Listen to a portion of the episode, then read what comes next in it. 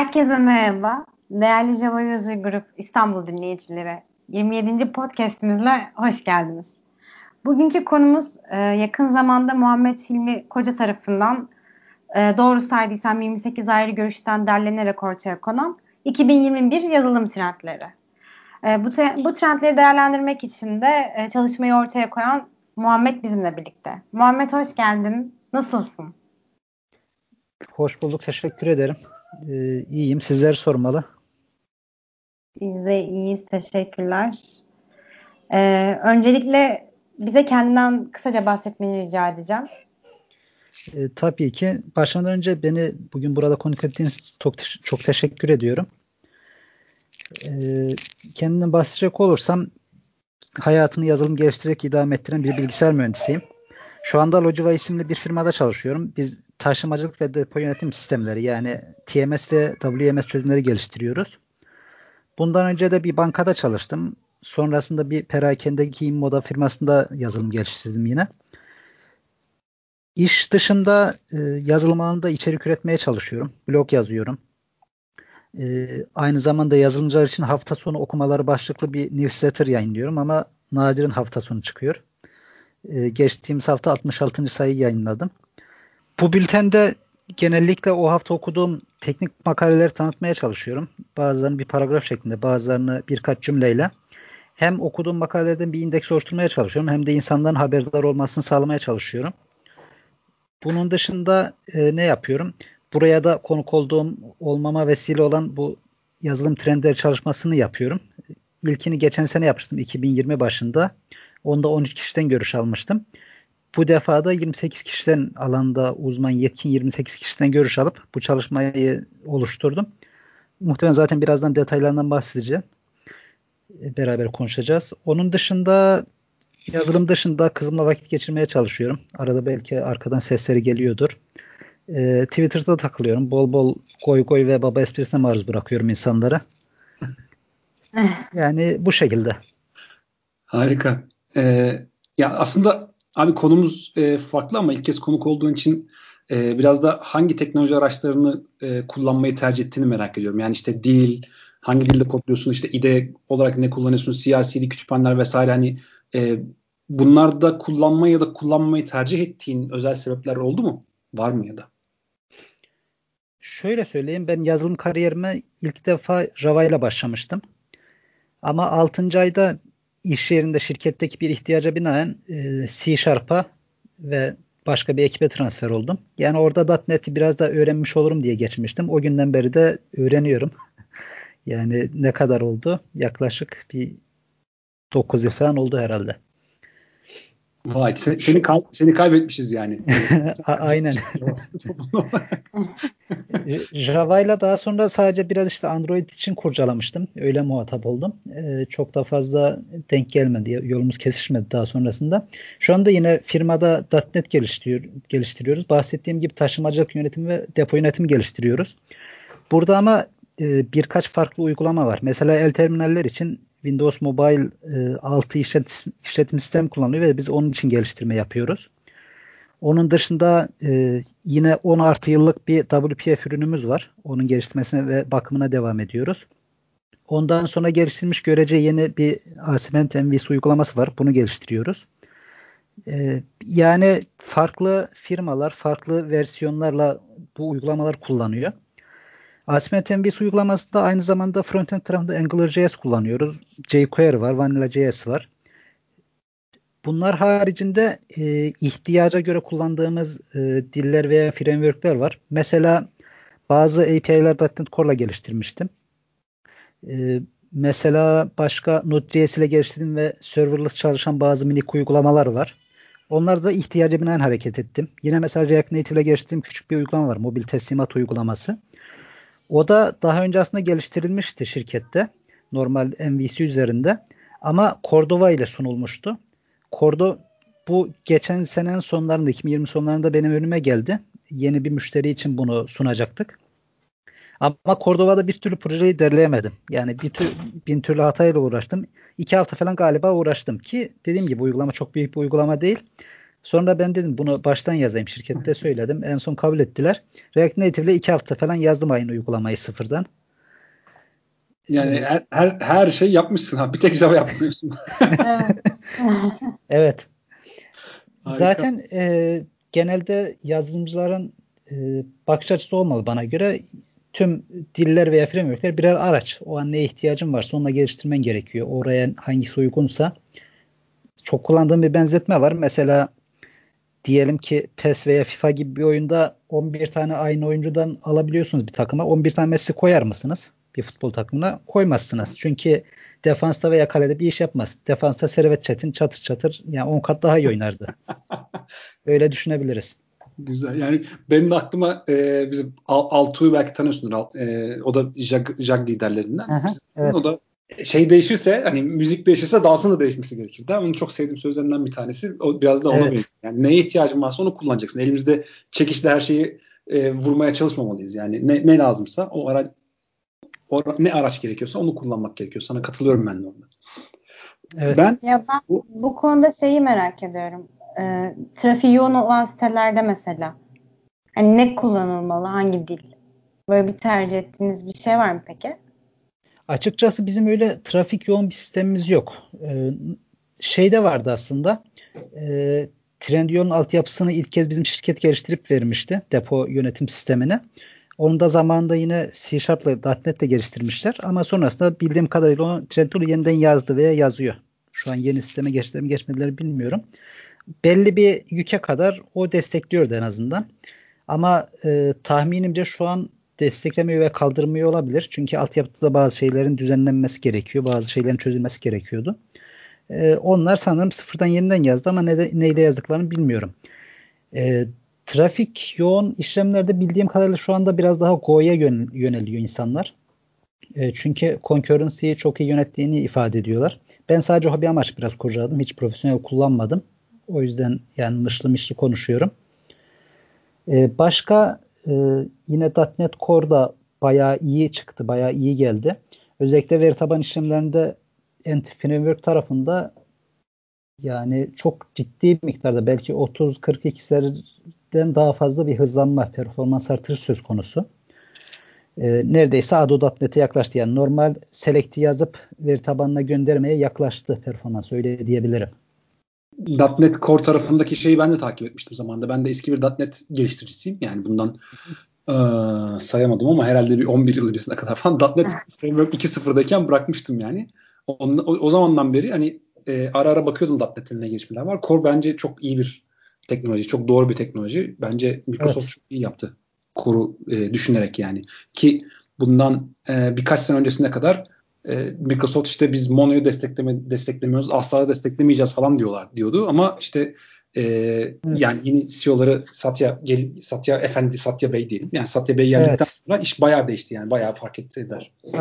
You Linux moduna geçti ondan sonra. Evet. Yani aslında bu biraz e, yazılımcılar için de bence bir ders olmalı. Yani Microsoft bile bunu hani e, Linux'u e, tan- tanıyorsa, Linux'a kendisini e, Linux'ta çalıştıracak e, ürünler yapmaya adıyorsa hani biz de işte kendi teknolojimize bağlı kalmıyoruz mesela. Ben Java yazıyorum bu zamanlar ama sadece Java yazarak ben hayatım sonuna kadar Java yazacağım diye kendimi zorlamamalıyım. Ne gerekiyorsa şey koşullar onu onu kullanmam gerekiyor. Yani evet, çok... ne, hangisi bana fayda sağlayacaksa onu yönelmem gerekiyor. Ee, tabii şey tarafı da var bunun yani biraz daha hani her teknolojide saldırıp e, bir şeyler yapmaya çalışmak da doğru değil. İşte bu evet. denge özellikle e, deneyimli yazılım geliştiriciler için bence çok önemli. Te- teşekkür ederiz abi. Çok güzel e, açıklayıcı oldu bence de. Yani e, şeye dönecek olursak yani bu e, 2021 yazın trendlerine dön- dön- dönecek olursak ben özellikle hem kendim hem de e, topluluk adına böyle bir çalışma yaptığın için e, çalışma yaptığınız için emeğe geçen herkese teşekkür ediyorum ve e, biraz da bir tane itirafım var. Senin çalışmanı gördükten sonra ben kendi kendime bir muhasebe yaptım. Dedim ki yani fikirleri, trendleri takip edeceğim diye bu kadar uğraşıyorum bu kadar uğraşırken yurdum toplumuna bakmam, bakmadığımın e, ve bakmak aklıma gelmiyor bunu fark ettim. O yüzden bu farkındalığa hani benim için bu farkındalığa neden olan bir çalışma imza attığı için sana kişisel olarak da teşekkür ediyorum abi. Rica ederim abi. Ben teşekkür ederim güzel düşüncelerin için. Ee, bu arada dediğin şekilde bir bakış açısı sunmuş olması da beni ayrıca mutlu etti bu çalışmanı. E, Türkiye yazılım ekosistemi dediğin gibi aslında çok yetenekli yazılımcılarımız var. Hem Türkiye'de hem yurt dışına e, gitmiş. Bunlar içinde dünya çapında firmalarda çalışanlar da var. Yahut globale açılmış e, çok güzel ciddi ürünler çıkarmış olanlar da var. Veya gayet yerel bir firmada çalışıp ama bütün teknoloji gündemini takip edip yorumlayabilecek arkadaşlar var. Benim e, zaten aslında şöyle de bir şey var. Başta, başta bahsettiğim newsletter'da, bültende ki motivasyonlarımdan biri insanların bu ekosistem biraz daha tanıması. Yani bir kişi bir içerik üretiyor. O daha fazla kişiye ulaşsın. Mesela şu anda bülten yaklaşık 3-4 bin yazılımcıya ulaşıyor her, her sayısı. Hem e-posta bülten şeklinde hem de Medium üzerinden toplamda 3-4 bin yazılımcıya ulaşıyor. Ki bu şekilde insanların birbirine tanısın hem neler ürettiklerini görsünler. Ee, biraz daha bu e, network bir sıkı hale gelsin. Bir de bu bültende çıkarttıktan sonra aslında benim denk geldiğim yazda Bilgem Çakır abi var. E, tanıyorsunuzdur muhtemelen. Onun çok güzel bir sözü vardı. Birbirimizin ne yaptığını bilmesek birbirimiz omuzlarında yükselemeyiz şeklinde. Yani o da önemli bir motivasyon benim için şahsen. Kesinlikle. Ee, içeriye yavaş yavaş giriyoruz. Ama benim merak ettiğim bir soru daha var aslında. Hani nasıl çalıştığını merak ediyorum. Bunu bizimle paylaşabilirsen çok güzel olur. E mesela katılımcıları nasıl seçtin? Destek vermek istemeyen çıktı mı hiç? Ee, şöyle diyeyim ilk kez e, ben zaten bülten içinde içerik taradığım zamanlarda iki sene önce sanırım içerik bulutun ve yine user spot'un bazı bu tip çalışmalara denk gelmiştim. Ee, içerik bulutu dijital ürünlerde sanırım gelecek yılın trendleri şeklinde bir çalışma yapmıştı. O zaman aklıma geldi. Acaba yani niye bir yazılım e, camiasının böyle bir çalışma olmamış, bir rapor oluşturmamış falan gibi düşünürken sonra da aklıma geldi ben niye oluşturmuyorum diye. Daha sonra tamamen subjektif bir değerlendirmeyle e, sosyal medyadan tanıdığım veya yazılı görsel içeriğini takip ettiğim insanlara yazmaya başladım ilk kez geçen sene. Biraz yani açık konuşmak gerekirse amatör ilerliyorum. E, bu sene de biraz öyle oldu. Bazı derslerde çıkardım şahsen. Orada e, dediğim gibi uzaktan takip ettiğim insanlara biraz daha ulaştım. Burada kriterim şuydu. Yani bu insan çalıştığı alanda teknolojide ne kadar yetkin veya gündemi, tek, trendleri, teknoloji ne kadar takip ediyor. Ee, yeni atıyorum bir versiyonda bir şey çıktığında e, bunu değerlendirebilecek, yorumlayacak bir şekilde yetkinliği var mı gibi bir soruyla aslında kendime sorup ona göre insanlara ulaşıyorum. Bu bahsettiğim gibi bu sene 28 kişi vardı. Ben toplamda muhtemelen 50'den fazla kişiye yazmışımdır. Bunun için ulaşmaya çalıştım. Bazılarına hiç ulaşamadım. Ee, bazıları ya bilmiyorum kanal yanlış olabilir veya o kanal kullanmıyor olabilir. Blog sitesindeki e-mail üzerinden yazdığım insanlar falan oldu. Yani sosyal medya hesaplarını bulamayınca. Onun dışında hiç dönüş yapmayan insanlar oldu. Ee, mazeret belirtenler oldu. Yoğunluk vesaire gibi. Bir kişi çok kişisel bir mazeret belirtti. Yer almak istemedi. Onun dışında e, katılmak isteyip de deadline yetişemeyen arkadaşlar oldu yoğunluktan dolayı maalesef. Bu arada başta bahsettiğim hiç dönmeyen insanlar için bir art niyet aramıyorum aslında. Çünkü e, özellikle Twitter'dan ulaştığım insanlar orada sonra oku gibi veya okumada olarak işareti gibi bir şey olmadığı için okuyor mesela. Bir ara buna dönerim diyor veya müsait dönerim diyor. Daha sonra unutabiliyor. Benim de başıma geldi çünkü şahsen bu. İnsana dönmeyi unuttum oldu maalesef. Hatta bunu ben Twitter üzerinden yazdım böyle böyle ben yazıyorum ama dönmüyorsunuz. Bu defa tekrar yazmaya da çekiniyorum gibi. Ondan sonra 2-3 kişi aa pardon ben bunu unutmuştum falan diye döndü hatta. Bu konuda mesela şu, şunu da yaşadım. Ee, tamamen e, herkes ulaştıktan sonra veya deadline geldikten sonra ya rapor çıkardıktan sonra acaba ben şu kişiyi niye aramadım veya bu kişiye niye ulaşmadım dediğim kişiler de oldu. O dönemde aklıma gelmeyen. Bunun için mesela şu anda yeni bir sheet oluşturdum. Direkt 2022 için. Şu an aklıma gelen insanları tek tek yazıyorum. Bir de biraz daha çeşitli artırmak için gelecek sene için iki dönem kural koymayı planlıyorum. Yani ilk iki senede de yer alan kişilere üçüncü e, senede yer vermeyip e, başka insanlara ulaşayım diye böyle bir planım var. E, onun dışında e, maalesef e, kadın yazılımcı e, ulaşma konusunda bir sıkıntı yaşadım. Bazılarına yine ulaşamadım bu süreçte. Bazıları mazeret beyan etti. Bir de erkek yazılımcılara şey bu bahsettiğim kriteri tayin etmek daha kolay. Mesela bu kişi ne kadar yazılım gündemi takip ediyor veya ne kadar yorumlayabilir. Kadın yazılımda bu konuda yani paylaşım yapan e, sayısı maalesef biraz daha az gibi. bu noktada ne yapabilirim diye düşündüm. Birkaç kişiye sordum. Yani toplulukta e, network bayağı genç olan insanlar. Onlardan da maalesef yani ya onlar da ulaşamadılar ya da yer almak istemediler. E, oradan çıkan derslerin bir de sene, gelecek sene için direkt e, kadın yazılım topluluğuna baştan ulaşmak. On, onlardan isim istemek veya katılmak isteyen varsa onları davet etmek. Bu arada buradan dinleyen varsa bu çalışmada yer almak isteyen ben görüş verebilirim e, diyen insanlar onlara tabii kapımız açık. Süper. Yani, e, önce şeyi söyleyecektim. E, kadın topluluğu, kadından kadın yazılımcıların bir e, topluluğu var. Onlarla iletişime geçebilirsin bu konuda diyecektim ama notunu almışsın zaten. E, onlar mutlaka yardımcı olacaktır sana. Bir de yani bu işte e, gittikçe de profesyonelleştiğini görüyorum. Hani hep bir adım e, ileri atıyorsun. O konuda seni tebrik ediyorum. Teşekkür e, ederim. Raporda e, raporda baştan aşağı okudum ve gördüğüm kadarıyla böyle çok farklı alanlardan farklı insanlara yer vermişsin. Ama e, yani herkesin dikkat çektiği konuları konuşacak böyle bir zamanımız yok maalesef. Ama e, daha bir ortak olarak bahsedilmiş bazı konular var ve en çok bunlardan en çok bahsedilen konu e, herkesin tahmin edebileceği üzere Covid-19 salgını ve salgının yaygınlaştırdığı işte uzaktan çalışma, dijital dönüşüm, hatta freelancer konuları. E, sen salgının 2021'de de e, 2021'de bize ne getireceğini öngörüyorsun hayatımızda? Ben açıkçası bu uzaktan çalışma veya dijital dönüşüm yönünde e, ki ivmenin daha doğrusu biraz azalarak devam edeceğini düşünüyorum. İvmesini azaltarak o dönüşüm devam edeceğini düşünüyorum. Mesela ben birinci elden e, bunu yaşadım. Biz normalde ofise gidiyorduk. Hatta ben yıllardır e, uzaktan çalışma evangelisti gibi çalışıyordum ofiste. Ama e, pek e, taraftar olmamışlardı. Ama salgının başından beri şu anda hala uzaktan çalışıyoruz ki patron ve yönetim de gayet memnun şu anki performanstan insanların. E, bu özellikle küçük şirketlerde bu sürecin devam edeceğini düşünüyorum. Ama bir yandan da dev holdingler veya e, teknoloji firmaları da bu yöne gitti. Herkes evden çalıştı falan moduna girdi. Ama ben biraz daha kurumsalda ki işlerin bir günde değişeceğini sanmıyorum. Yani onlar belki pişman olup geride adım atabilir ileride. Ama küçük ve orta ölçekli şirketlerin buna çok daha rahat adapte olacağını düşünüyorum.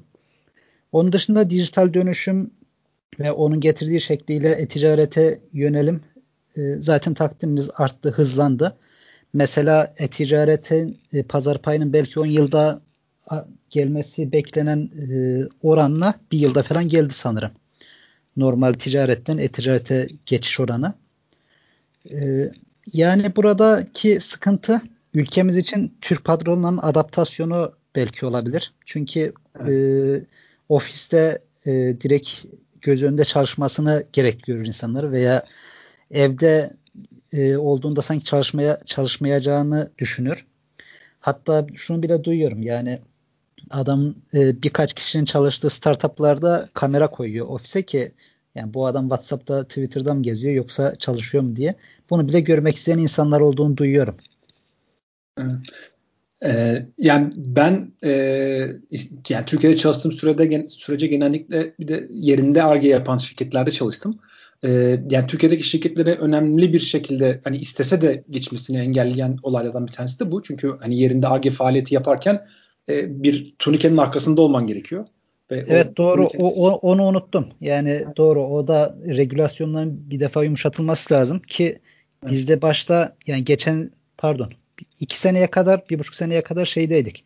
E, bir teknoparktaydık. Orada da yine parmak iziyle geçmemiz gerekiyor. Turnikeden geçmemiz gerekiyordu. Orada ilk başlarda e, bir yaz aylarına kadar sanırım uzaktan çalışmayı serbest bıraktılar. Sonrasında ne oldu bilmiyorum. Peki sence ofis mi e, daha iyi yoksa freelance mi diye sorsam? Yani ofisi seven insanlardan mısın? Ee, yok ben hiç sevmeyen insanlarım. Daha doğrusu evi evi daha çok seven insanlardanım. Ee, ki yani ben bayağı memnun bu süreçten. Hatta geçen de şirketteki arkadaşlardan biri şey demişti. 1 milyon kişinin hayatına mal oldu ama Muhammed sonunda evden çalıştı falan demişlerdi. yani e, normalde zaten e, yani tembel bir insanım diyeyim. E, ofise gitmesi zor geliyor bana. Ama bir de son dönemde e, Teknopark Kurtköy'deydi. Teknopark İstanbul'a gidiyorduk normalde. Sonradan Kartal'a taşındı. Ee, çeşitli nedenlerle trafik vesaire nedeniyle de arabayla gitmesi ayrı bir eziyet oraya. Gebze'den gitmesi. O yüzden mesela Gebze harem dolmuşunu kullanıyordum. Hatta Twitter'da bol bol e, maceram var bu konuda. E, o yüzden de ekstra sıkıntı çekiyordum ben. E, nimet gibi geldi yani evden çalışmak benim için. Ge Gebze harem minibüsler zaten abi şey yani ka- kaos açılan kapı. Evet. ben de az kullanmadım yani. Ben ben de aslında baya e, senin tersine o konuda. Ben ofiste çalışmayı kendime daha ofis çalışmasını kendime daha uygun buluyorum. Hani biraz daha böyle insanlar iç içe işte birine bir şey sormam gerektiğinde gidip işte e, masasına gidip onu sarsabileceğim bir ortamda ben kendimi daha rahat hissediyorum. Ama ben de biraz bu e, yani 2020'deki pandemi döneminde biraz evden çalışmayı öğrendim. Hani biraz zorla da olsa öğrenmiş bulundum. Az önce bahsettiğim o kurumsal şirketlerde binlerce çalışan bir anda evden çalışmaya başlamasının öndeki muhtemel problemlerden biri de o zaten aslında. Yani her insan evde verimli çalışamayabilir. Yani çok çeşitli şartlar, şartlar olabilir. Gerçekten sevmiyor olabilir. Sosyalleşmek istiyor olabilir. Veyahut da evde mesela 3 tane çocuk vardır. Bunlar devamlı e, ne bileyim online derse katılıyordur vesaire. Veya devamlı e, bir yaramazlık peşindedir. Rahat bırakmıyordur. Evet. E, o yüzden biraz daha zor olabilir o geçiş kurumsal firmalarda. Bir tanesi bile yetebiliyor abi çocukların yani evden çalışamamak için. evet. Peki raporda e, 2021 yazılım trendlerini kendine hiç sormamışsın. Yani senin öngörülerin ne peki? Bu yıl sence e, en çok neleri konuşacağız? Ya aslında o topu çok girmek istemedim ben. Çünkü herkesin harcı değil. Ee, ama yani ben de okuduğum, duyduğum, takip ettiğim kadarıyla söyleyebileceğim şeyler e, ilk olarak e, serverless e, yaklaşım var. E, hayatımızda her geçen gün daha fazla yer kaplayan ve kaplayacak olan. Çünkü işler çok e, acayip kolaylaştırıyor. Çünkü e, küçük bir uygulamaya ve küçük bir veya küçük bir endpoint'e ihtiyacınız var. Bunu istediğiniz bir dilde yazıp hemen yani belki bir saat içinde deploy edip hiçbir bağımlılığı yoksa eğer yani bir framework'e uygulamanın ana iskeletine bir bağımlılığı yoksa direkt bunu bağımsız bir parça halinde hem de bakımı çok kolay bir şekilde cloud üzerinden sunabiliyorsunuz. Ve e, bunun faturaya da olumlu etkisi olabiliyor. Çünkü e, genelde şöyle kullanıyor. Farklı tarifeleri var bildiğim kadarıyla ama çalıştığı anda sadece çalıştığı sürece bir ödemesini yapıyorsun. Faturaya yansıyor. Böyle bir faydası var. E, serverless ve tabi dolayısıyla cloud e, computing de var. Yani bulut bilişim de her geçen gün hayatımıza daha fazla yer kaplıyor. Çok fazla süreci kolaylaştırıyor. Mesela bizde e, biraz daha CI/CD e, süreçleri problem. Çünkü faz, çok fazla müşteri var. Çok fa- farklı versiyonlarda kendi sunucularını on-premise çalıştırıyorlar falan. Ama mesela Azure'a taşıdığımız bir e, müşteri için direkt Azure DevOps'u kullanabiliyoruz. Orada CI/CD'yi e, çok rahat bir şekilde entegre edebiliyoruz. Böyle faydaları var. Onun dışında yine e, hızlı ölçeklenebilme gibi çok büyük bir avantajı var. Serverless'ta da aynı şekilde doğal olarak cloud'da çalıştığı için. E, bazı durumlarda daha fatura dostu olabiliyor. E, onun dışında platformu size direkt sunabiliyor ki ayrıca sizin bir fiziksel bir sunucu data center ihtiyacınız olmayabiliyor. E, bu tip faydalar var. Do, e, bu yüzden insanlar özellikle startuplarda falan bu geçiş biraz daha hızlı oluyor, olabiliyor. Bunlar haricinde taze bir konu olması nedeniyle Flutter'ı söyleyebilirim. Flutter Engage eventi gerçekleşti ge- geçtiğimiz hafta. Ben aslında Flutter'da biraz uzaktan takip ediyorum. Yani neymiş ne değilmiş bazı etkinliklere de katıldım. Fikir sahibi olmak için. Benim genelde öyle bir yaklaşımım var. Bir alanda uzmanlayacak uzman pardon bir alanda uzmanlaşmayacaksan bile o konuda bir fikir sahibi ol. En azından onun nerede kullanıldığını veya nerede ona ihtiyacın olabileceğini bil ki gerektiği yerde bakıp kullanabilesin. Bir fikrin olsun. Neden kullanıldığını bilesin. Bu şekilde bir yaklaşım var. E, Flutter'ın o bahsettiğim son etkinliğinde de e, bayağı bir e, feature gelmiş ama en önemli e, olaylarından biri şu anda Flutter Web'de de kullanılabiliyor. Cross platform e, mobil uygulama geliştirebiliyordu iOS ve Android için. Şu anda e, web uygulaması da geliştirilebiliyor. Tek bir code base'de. E, ve hatta e, gömülü yazılımda geliştirebildiğini falan e, yazmışlardı yine arkadaşlar. Ben canını takip etmedim. Bu yüzden bir e, hype olma durum var bence Flutter'ın. Bunlardan başka Go'nun şu anki e, revacın devam edeceğini düşünüyorum. İnsanların Go'ya daha fazla yöneleceğini düşünüyorum. Özellikle yük altında çalışan uygulamalar için ve mikroservis mimarinin biraz daha e, yayıldığı noktalarda e, faydalı olabiliyor. Başka özellikle diye bir tarafında Postgres e, baya baya bir ilgi görüyor. Özellikle Oracle'dan e, göç olaylarını baya e, okuyorum. Açık kaynak olması e, ve maliyetleri çok çok düşürmesi önemli bir avantaj Oracle'ın yanında ki Oracle'ın yaptığı temel manada hemen her şeyi yapıyor sanırım. Detaylarda muhakkak e, belki karşımada yerler olabilir ama o konumda değilim onları değerlendirir konumda. Bunlardan başka fonksiyon, fonksiyonel programlama son birkaç yıldır bayağı revaç buldu ki bunda devam düşünüyorum. Bunlar aslında e, biraz da kendilerini nasıl diyeyim e, zincirleme etkiliyor. Mesela serverless'ın gelişmesi fonksiyonel programlarının da önünü biraz daha açabiliyor. Veya mesela e, mikroservis mimarinin yayılması serverless'ın önünü biraz daha açabiliyor vesaire. E, bir de e, kendi alanım için e, .NET e, 5 bayağı iyi geliyor. .NET Core zaten çok iyi bir ivme yakalamıştı. E, .NET 5 ile artık .NET Framework ile .NET Core ortak bir framework haline ge- getirilecek. E, ve yanılmıyorsam Kasım ayında .NET 6 çıkacak. Yani bu konuda da e, bir ciddi bir önem olacağını düşünüyorum .NET dünyasına.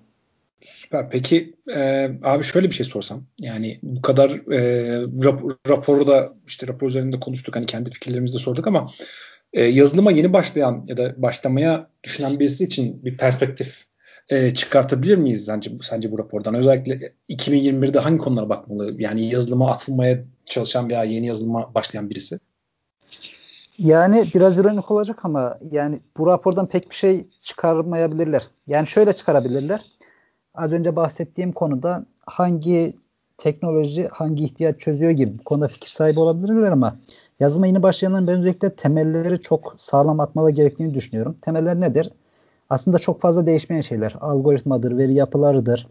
Mesela bir web geliştirici olacaksa HTTP vesaire nasıl çalışıyordur? Bu protokollerin altyapısıdır, çalışma mantığıdır.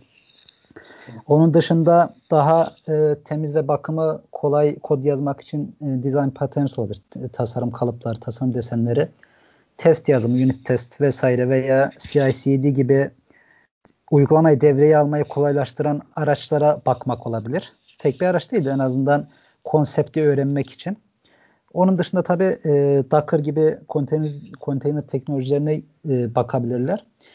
Bu temelleri biraz daha sarmattıktan sonra ne olabilir? E, yeni teknolojilerden e, şimdiye kadar genelde Python önerilir yeni öğrenenlere. Python yine tavsiye edilebilir. Onun yanında Java dünyasında da e, sanırım son e, birkaç versiyondur. Bayağı topluluğun beklediği geliştirmeleri yapılmış, feature'lar eklenmiş ama çok yakinen takip etmem bir şey diyem diyemiyorum. Ama .NET Core'da pek çok alanda kullanabilirler. Yine Go'nun öğrenmesinin rahat olduğunu söylüyorlar. Ben de bahsettiğim gibi hobi amaç biraz kurcalamıştım. E, gerçekten e, rahat adapte olunabilecek bir dil. Ama tabi diğer bir .NET veya Java gibi e, çok fazla ihtiyaca cevap veren bir dil değil. Yani belli ihtiyaçlara çok iyi cevap veren bir dil. Bunları söyleyebilirim ama asıl hype'tan ziyade temellere odaklanmaları benim görüşüm. Yani e, son söylediğine ayrıca katılıyorum. Bir de yani sen anlatırken işte hani veri yapıları, algoritmalar işte Docker falan bunlardan bahsederken aklıma şey geldi. Yani e, aslında biraz e, yazılım geliştirme e, alanında çalışan insan, profesyonellerin, bizim profesyonellerin gitgide e, daha geniş bir e, skalaya hakim olması gerekiyor. E, özellikle işte şey tarafında. Yani şimdi önceden veri yapıları ve bundan belki bir 10 sene önce ya da 5 sene önce sorsaydım veri yapıları ve algoritmayı çok iyi bilmen, analitik bir zekaya sahip olman pek çok yazılımı geliştirmen hem frontend hem backend tarafında pek çok yazılımı geliştirmen evet. yetiyor olabilirdi ama artık öyle değil ki geçen Özgür Öztürk'le de böyle bir şey yapmıştık. O yazılımcı da değil ama hani böyle teknolojilerin ne kadar çok böyle e, çeşitlendiğinden üzerine biraz e, bahsetmiştik. Evet. Şimdi e, ben bir backend, evet, float. Evet, evet. Ben, ben, ben bir e, backend developer'ım ve işte veri yapılı algoritmayı bilmem gerekiyor ama aynı zamanda containerization konusunda da bir fikir sahibi olabilmem için Docker'ın nasıl çalıştığını, ne yaptığını anlayabilmem için aslında işlem sistemlerini de iyi bilmem gerekiyor. Yani gittikçe evet. üniversite mühendislik eğitiminin bütün tabanını böyle bir öğrenmek zorunda kalıyoruz yani profesyonel hayatta istesek de istemesek de. O yüzden e, senin söylediğin üzerine şunu ekleyebilirim ben de naçizane. Veri yapıları, algoritmalar ve işlem sistemleri çok sıkıcı dersler olabilir ama bunlar gerçekten bilgisayar bilimlerinin çok temeli, çok çok temeli, mikro işlemci tasarım falan bunlar çok temelleri. Bunların iyi öğrenilmesi profesyonel hayatta sizin adaptasyonunuzu kolaylaştıracak diyebilirim. Çünkü evet yani, çünkü e, bakış açısını çok geliştiriyor ve çok şeyi çok daha hızlı anlamayı sağlıyor. Böyle bir özelliği var. Bu arada tabi söylemeyi unuttum. Linux var. Docker işletim sistemi demişken Linux'u öğrenmekte e, çok yani hayattan kolaylaştıracak bir şey profesyonel kariyerde. Yani bunları takip bunlar çünkü e, temel sağlam olduktan sonra özellikle yazılım gibi işte e, bir sürekli değişen de hani e, böyle bir evrim şeklinde de gelişmiyor yazılım bence bu teknolojiler böyle birden bambaşka bir dal çıkıyor. İşte mesela kuantum e, hesaplama kuantum bilgisayar diye bir konu var. İşte şeyde de senin raporda da e, biraz bahsedilmiş. Yani bizim her gün karşılaştığımız problemleri çözmek için değil ama çok farklı problemleri çok başka çok daha hızlı şekilde çözebileceğine inanılıyor teorik olarak. Yani böyle bir dal çıktı birden evet. ve hani e, bunlara bir şekilde eğer adapte olmamız gerekiyorsa bu kadar hızlı şekilde e, yani temelimizin sağlam olması gerekiyor. O yüzden e, ben de yani senin söylediklerin üzerine sadece ekleyebileceğim dediğim gibi bu e, temel dersleri, bilgisayar bilimleri derslerine çok sıkı sıkıya e, ne derler asılmaları yani. Buna çok iyi, çok önem vermeleri. Çünkü adaptasyonlarını hızlandıracak. Evet. Bu arada şundan bahsedebilirim. Özellikle e, alaylı yazılımcılar bu konulardan biraz daha uzak kalabiliyor veya öğrenmekte zorlanabiliyorlar ama az önce dediğim gibi çok şeyi öğrenmelerini kolaylaştıracak e, o konular bunlar. Ve YouTube'da mesela algoritmalar veri yapı hakkında bir e, video serisi var. Yaşar Safkan'la Akın Kaldıroğlu'nun. Çok çok çok güzel bir seri. Onu izlemelerini şiddetle tavsiye edebilirim. Alaylı olan yazılımcılar için tabii ki yani ben hani bunları söylerken illa bilgisayar mühendisidir bütün yazılımcı demeye çalışmıyorum. Sadece yani bir öyle anlaşıldıysa e, düzelteyim. E, yani ne olursa olsun. Yok, ben ekleme yapmak istedim sadece. Tabii bilgisayar bilimleri olarak çünkü bir yazılım yapıyorsan bilgisayar bilimleri bilmen gerekiyor. Yani bunu okula gidenle gitmeyen arasındaki fark bunun birinin okulda görmüş olması, diğerinin sonra öğrenmek durumunda kalması. Onun dışında bir fark yok bence. Evet. E, alaylı pek çok yazılımcıda da çalıştım. Onlar da yani mekteplerinden çok daha iyi olanları da vardı. O yüzden dediğim gibi hani e, analitik düşünceyle beraber bu, bu konuları e, her yazılımcının öğrenmesi gerekiyor. Yani sadece mühendislerin değil her yazılımcının öğrenmesi gerekiyor bence. Yok, şunun için söylüyorum. Yani alaylı, alaylı yazılımcıların e, kötü olduğu falan gibi bir şeyim yok ki zaten sektörde çok fazla tan- tanınmış yazılımcı da var. Ama onlar e, belli bir e, PET'i üniversitedeki belli bir PET takip etmeyebiliyorlar. Evet, İlk tabii. gördüğü dilden başlayabiliyor falan. Bunları e, yani göz ardı edebiliyor veya haber olmayabiliyor bu, bu gibi konulardan. E, ama öğrenirse daha az çile çekiyor diğer şeyleri öğrenirken. Yani olay yazılım yapmak sadece bir dili öğrenmek değil aslında bunun metodolojisini anlamak. Evet. Diye düşünüyorum.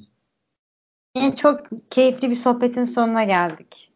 Çok teşekkür ediyorum hem geldiğin için hem de böyle bir çalışma yaptığın için Muhammed. Ben de size çok peki, teşekkür ediyorum. Hem konuk ettiğiniz hem de böyle keyifli bir sohbet için ben de e, bayağı keyif aldım ve öğrendiğim şeyler de oldu onu da söyleyeyim. Peki kaydı kapatmadan önce eklemek istediğim bir şeyler var mı? Yok. Düşünüyorum. ya biz çok eğlendik. Umarım tüm e, tüm dinleyenlerimiz de zevk almışlardır bu yayından. O zaman bir sonraki yayınımızda görüşmek üzere. Herkese hoşçakalın. Esenlikler. Görüşürüz.